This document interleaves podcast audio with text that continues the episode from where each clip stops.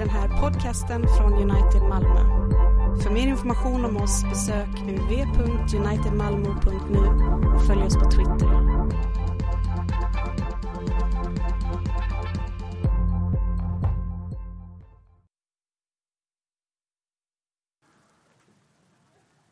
Låt oss få bli stående så lyssnar vi till läsningen av Herrens ord här idag.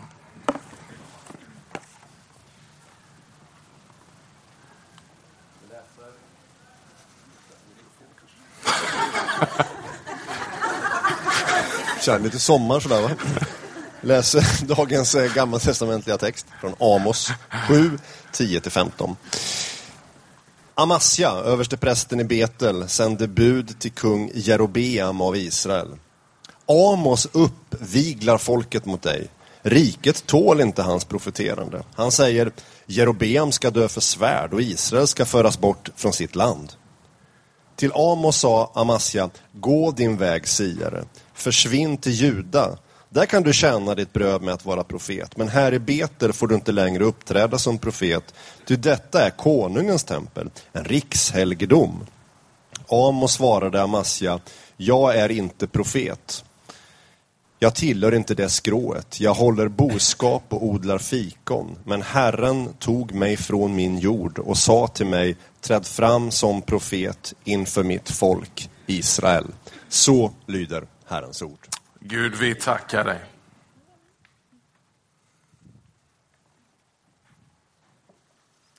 Vi lyssnar till denna söndagens nytestamentliga text från första Thessalonikerbrevet kapitel 2, vers 1-8. Ni vet själva bröder att vårt besök hos er inte var förgäves. Tidigare, tidigare hade vi som ni vet plågats och förödmjukats i Filippi. Men vår Gud gav oss mod att predika hans evangelium för er, trots hårt motstånd.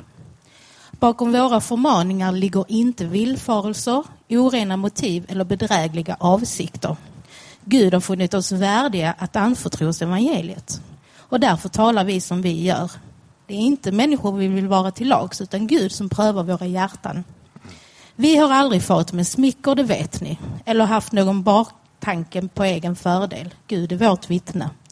Och inte har vi strävat efter att bli ärade av människor, varken av er eller andra. Ändå hade vi som Kristi apostlar kunnat komma med anspråk. Istället uppträdde vi lika kärleksfullt bland er som en mor är när hon sköter om sina barn. Av ömhet för er ville vi gärna ge er inte bara Guds evangelium utan också våra egna liv. Så kära hade ni blivit för oss. Så lyder Herrens ord. Gud, Vi tackar dig.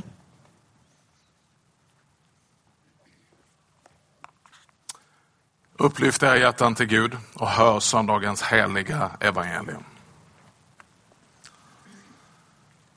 Jesus sa till sina lärjungar, om någon vill gå i mina spår måste han förneka sig själv och ta sitt kors och följa mig. Till den som vill rädda sitt liv ska mista det, men den som mister sitt liv för min skull, han ska finna det.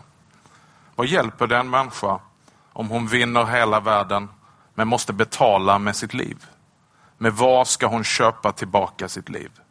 Människosonen ska komma i sin faders härlighet med sina änglar och då ska han löna var och en efter hans gärningar.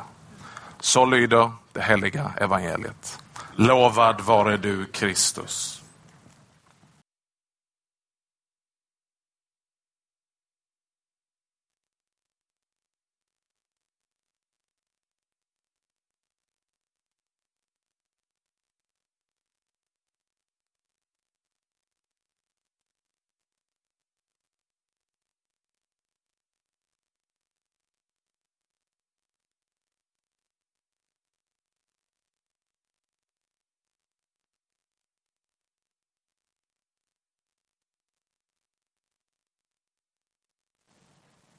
Det er så at i kirkeåret så befinner vi oss nå i tiden mellom høgtiderne.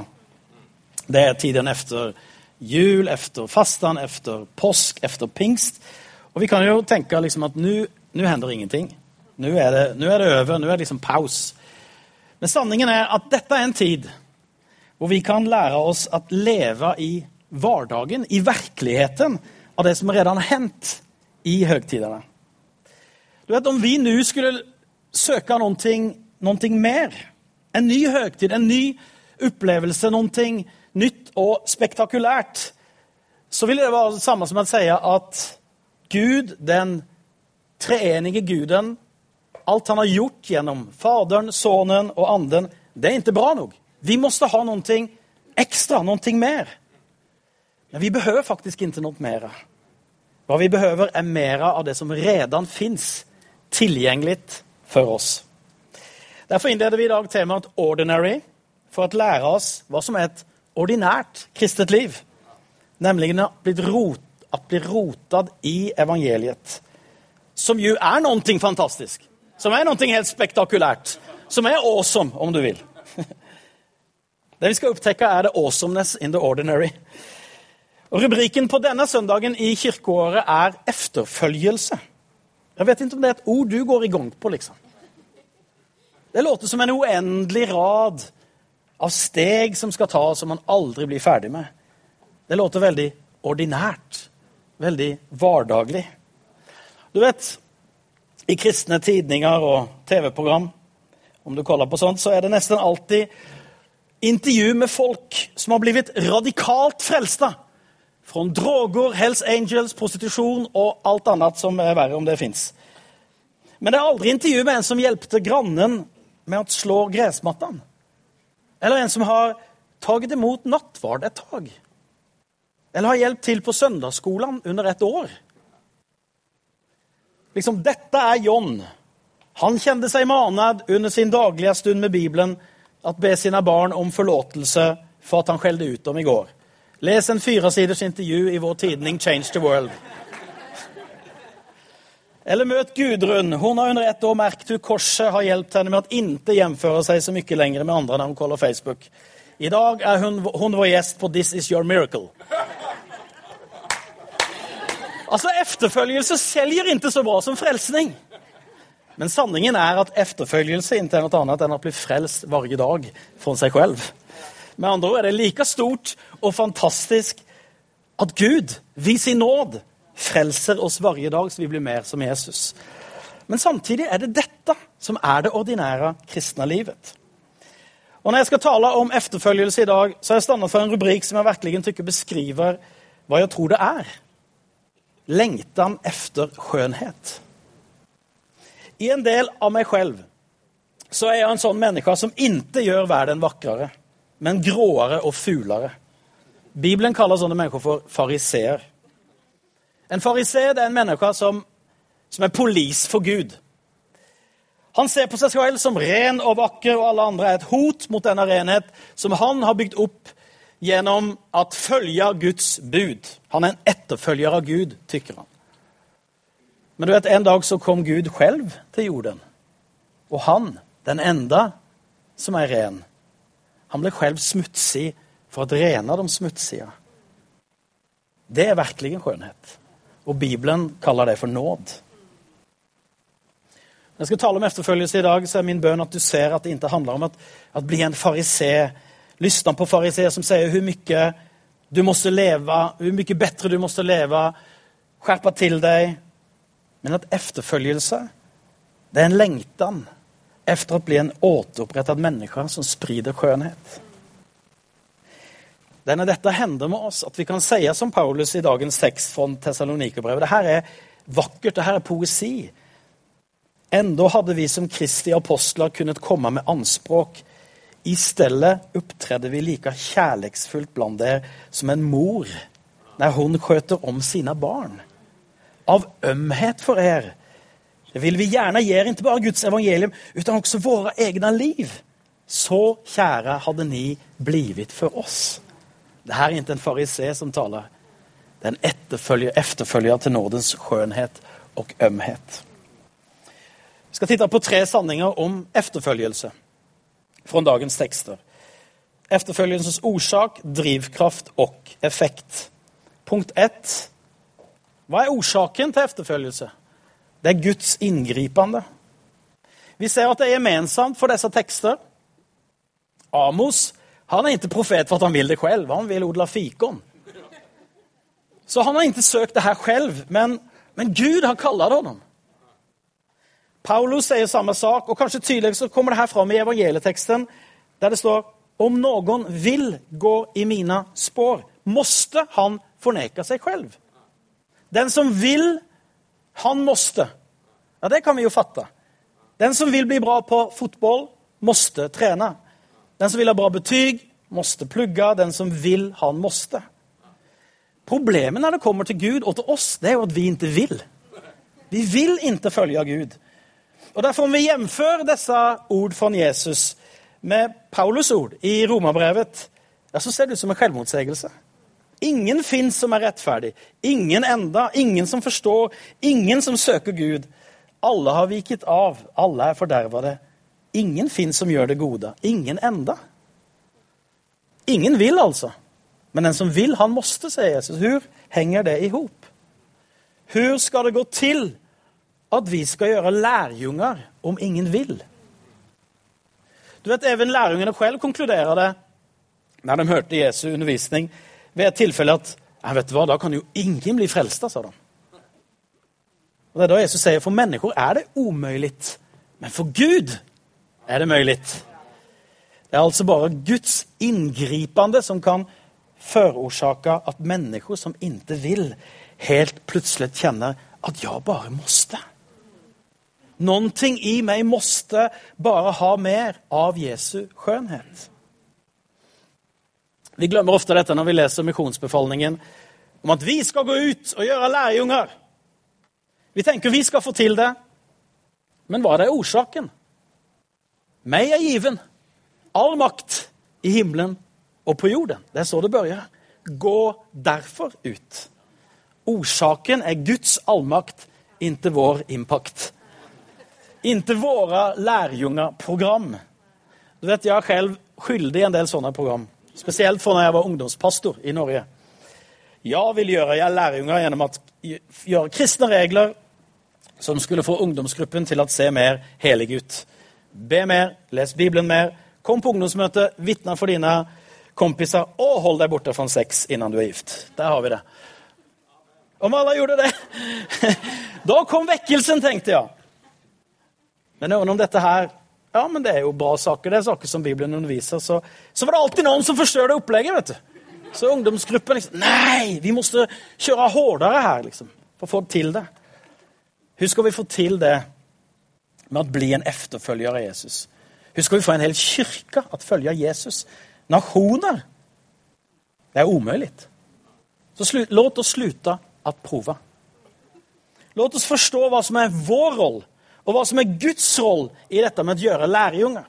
Vi forkynner evangeliet, men Gud griper inn i menneskers liv.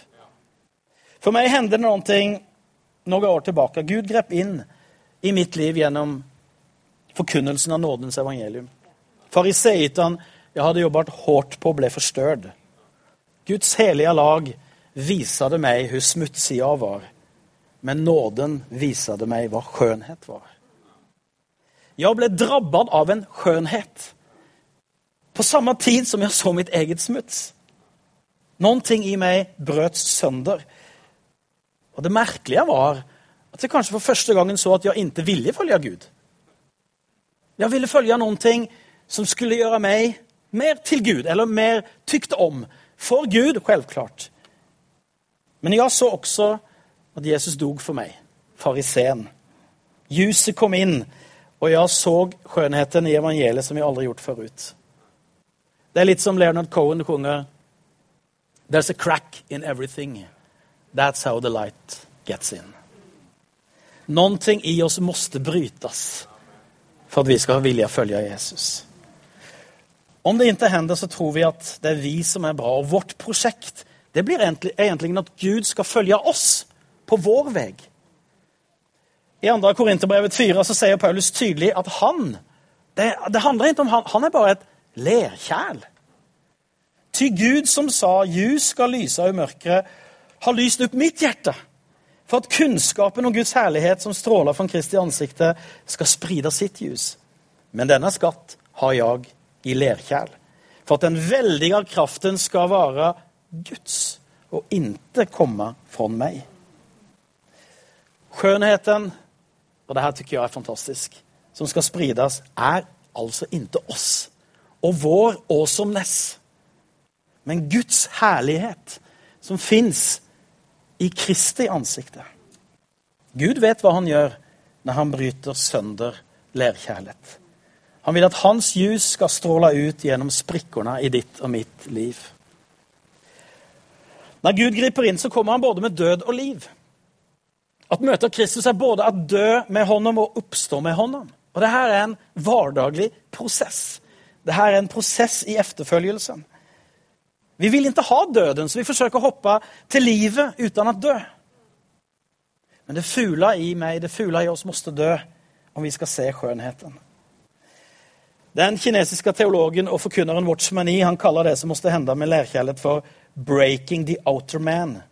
Det ytre skalet som vi jobber hardt for å holde så fint som mulig, så vi ikke tror at vi behøver Gud. Lyssna hva han skriver.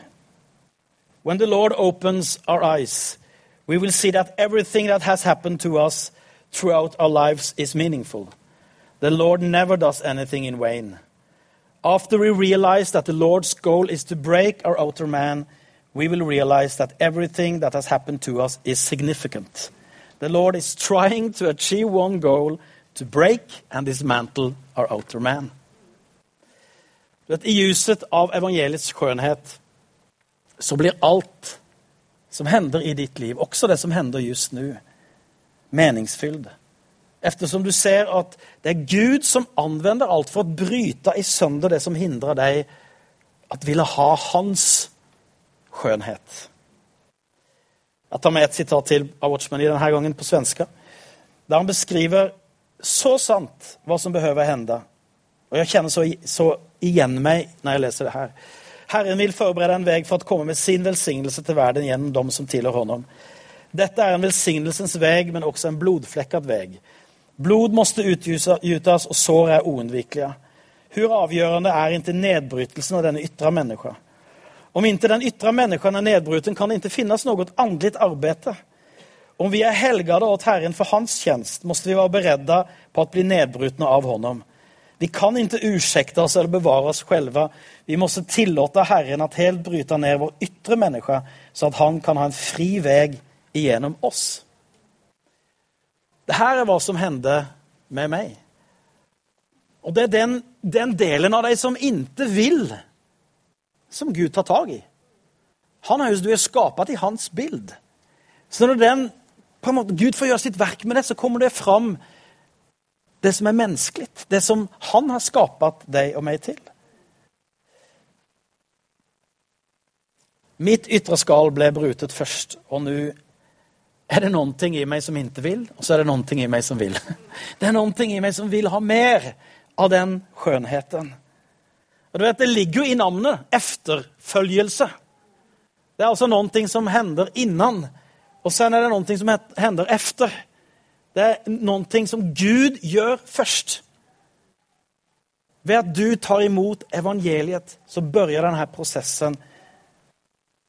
Og Gud viser deg både hvor smutsig du er, men hvor skjønn nåden är.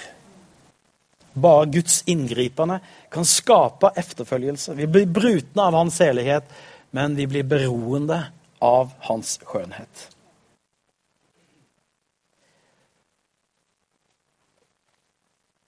Nu måste jag gå korsets väg. Jag vill inte, men jag måste. Det är någonting i mig som både inte vill och som vill. Och jag känner att ja, men det här är ju det som leder till livet.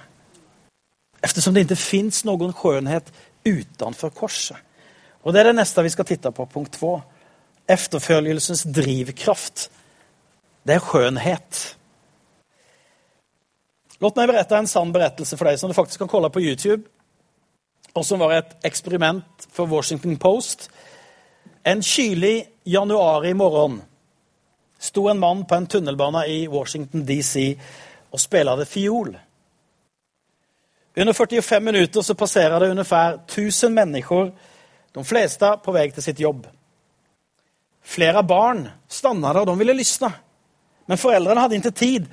Og bare sju personer, altså under en stanna det for å lysne et tag.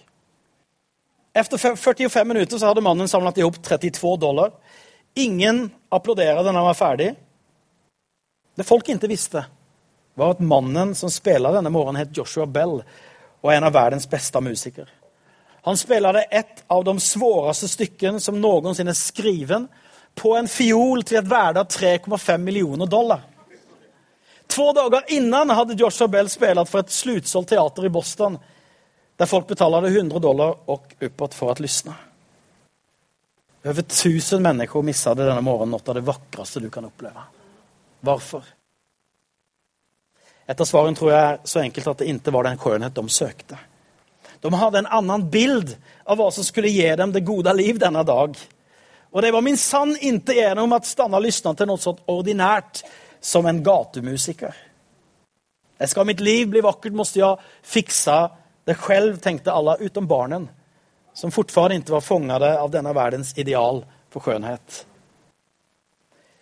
Hur lätt är det inte att missa det vackra när dina ögon är blindad och någon har sålt dig en lögn av äkta skönhet, av vad äkta skönhet verkligen är.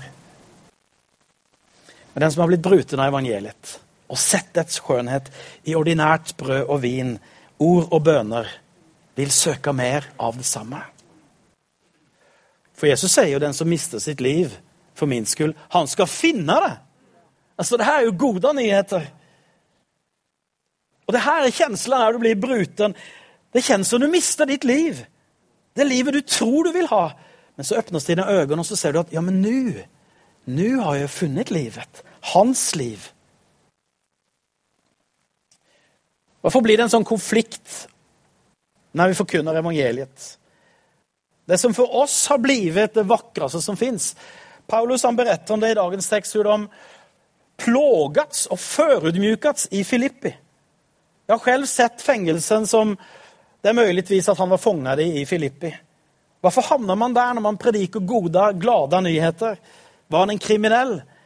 Nej, man förkunnare av en skönhet som krockade med den bild människor hade av vad som skulle göra deras liv vackert på den tiden. De ville bli stora i sig själv. De ville bli som den grekiska gudarna. De lystade till ormens röst från lustgården. Ni kan bli som Gud. Jag använder mig själv som exempel igen. Jag fann mig själv i en liknande situation. När jag upptäckte faktiskt som pastor att jag ville få till det. Jag ville bli stor och få resultat för Gud. Det var för honom självklart. Men jag kunde inte tänka mig något vackrare, ser jag nu, än att jag skulle leda någonting som växte för Gud. Det som drev mig var en annan bild av skönhet än det vi finner i evangeliet. Jag ville inte mista mitt liv, jag ville maximera mitt liv för hans skull. Det låter nesten like bra.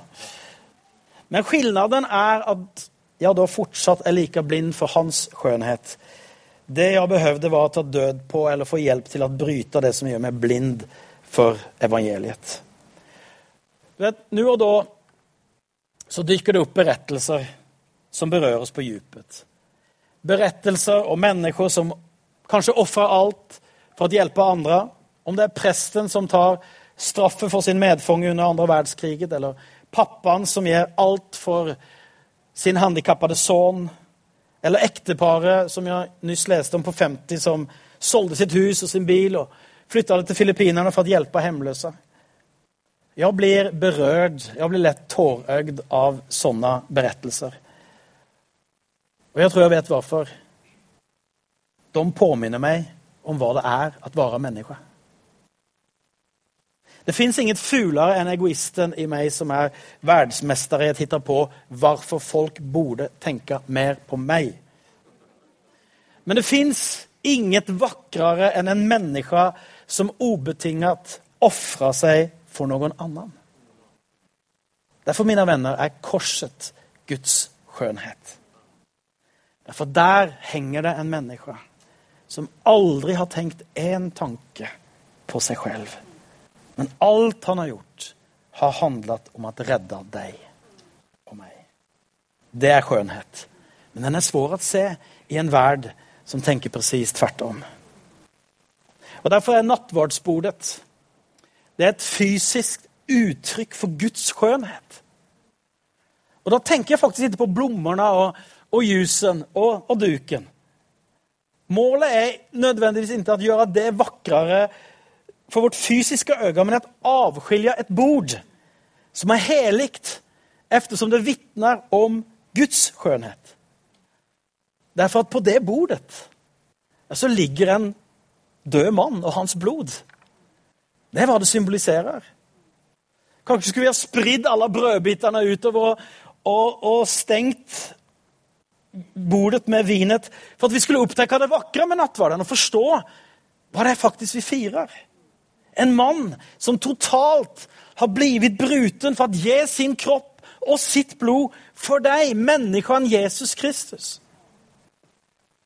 Du vet, Førre søndag kan jeg avsløre at det var nesten så det ikke ble noen blomster på nattverdsbordet.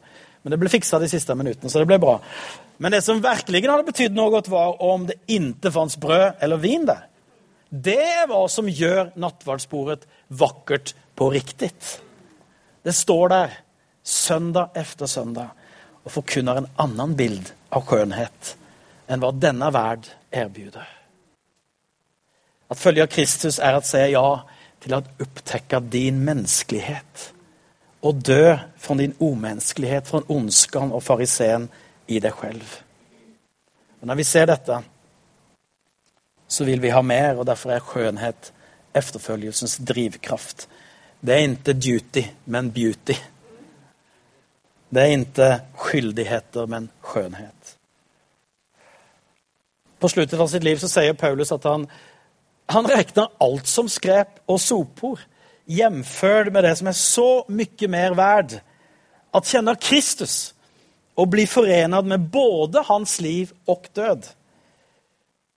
Alt det som før var en vinst for meg, regner jeg nå som forlust for Kristi skyld. Ja, jeg regner alt som forlust, for jeg har funnet det som er langt mer verdt. Kunnskapen om Kristus, Jesus, min Herre. For hans skyld har jeg forlorat alt og regna det som skrep for å vinne Kristus. Kristus på korset er symbolet på skjønnhet, men vi kan så lett gå miste av det i hverdagen, i det ordinære. Kristus på korset er hva denne verd behøver om den skal bli vakker igjen. Stanner du og lysner, så, så hører du musikken som kommer fra den dyreste prisen noen noensinne har betalt for ditt liv. Om du fortsetter å følge tonene fra korset, så vil de gjøre deg til den mennesken du var skapt at være.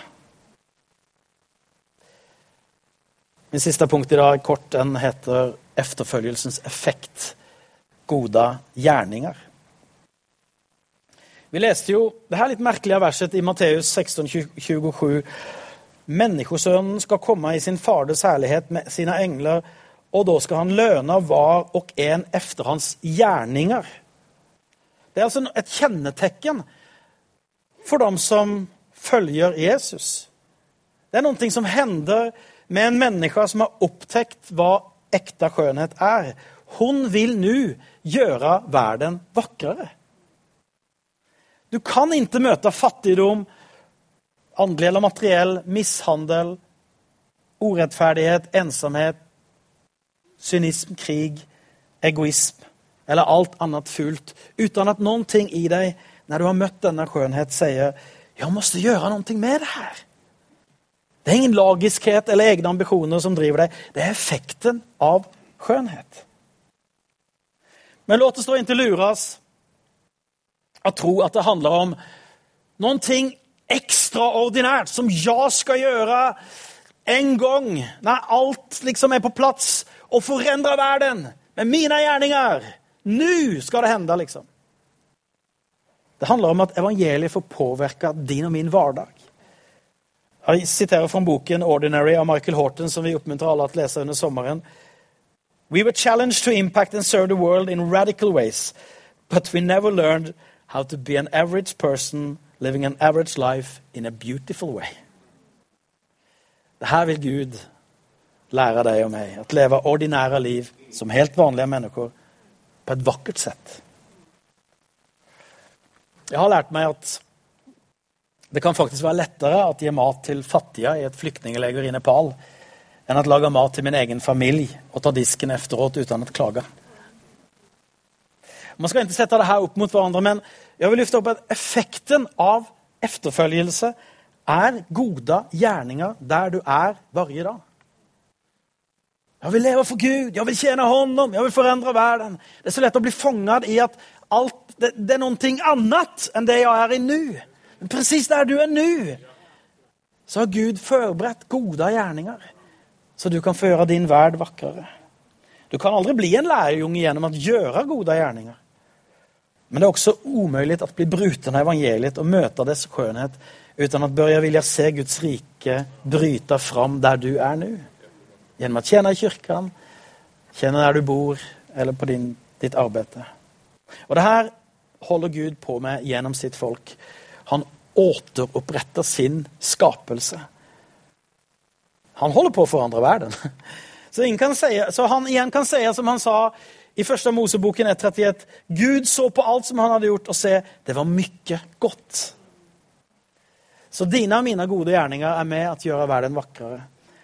Det er sant at Gud ikke behøver våre gode gjerninger. Det er vår neste som behøver dem. Men det er også sant at Gud vil at du gjør gjerninger som gjør at Guds rike blir synlig i vår verd. Herre, hjelp oss som har sett korsets skönhet att legge ned vårt liv for mennesker i Malmö der vi bor, arbeider, så flere kan se din skjønnhet. Jeg tror at Gud verker på ditt liv just nå, der du sitter. Han griper inn i ditt liv når du hører evangeliet. Så du kjenner det er noen ting i deg som vil bli en efterfølgere. Som vil ta opp ditt kors og dø bort fra det som gjør deg blind for skjønnheten. Og i dig som redan vet hva skjønnhet er, men som har lysna til denne verdens løgner. så viser han deg på nytt hva han har ofret for deg. Så din drivkraft på nytt blir evangeliet. Og effekten i ditt liv, det blir gode gjerninger av Guds nåd til Guds ære. Kom till nattvardsbordet dag. Ta imot Guds nåd. Se på nytt skönheten i människan Jesus Kristus som offrade allt för dig och mig. I Faderns, Sonens och den heliga Andes namn.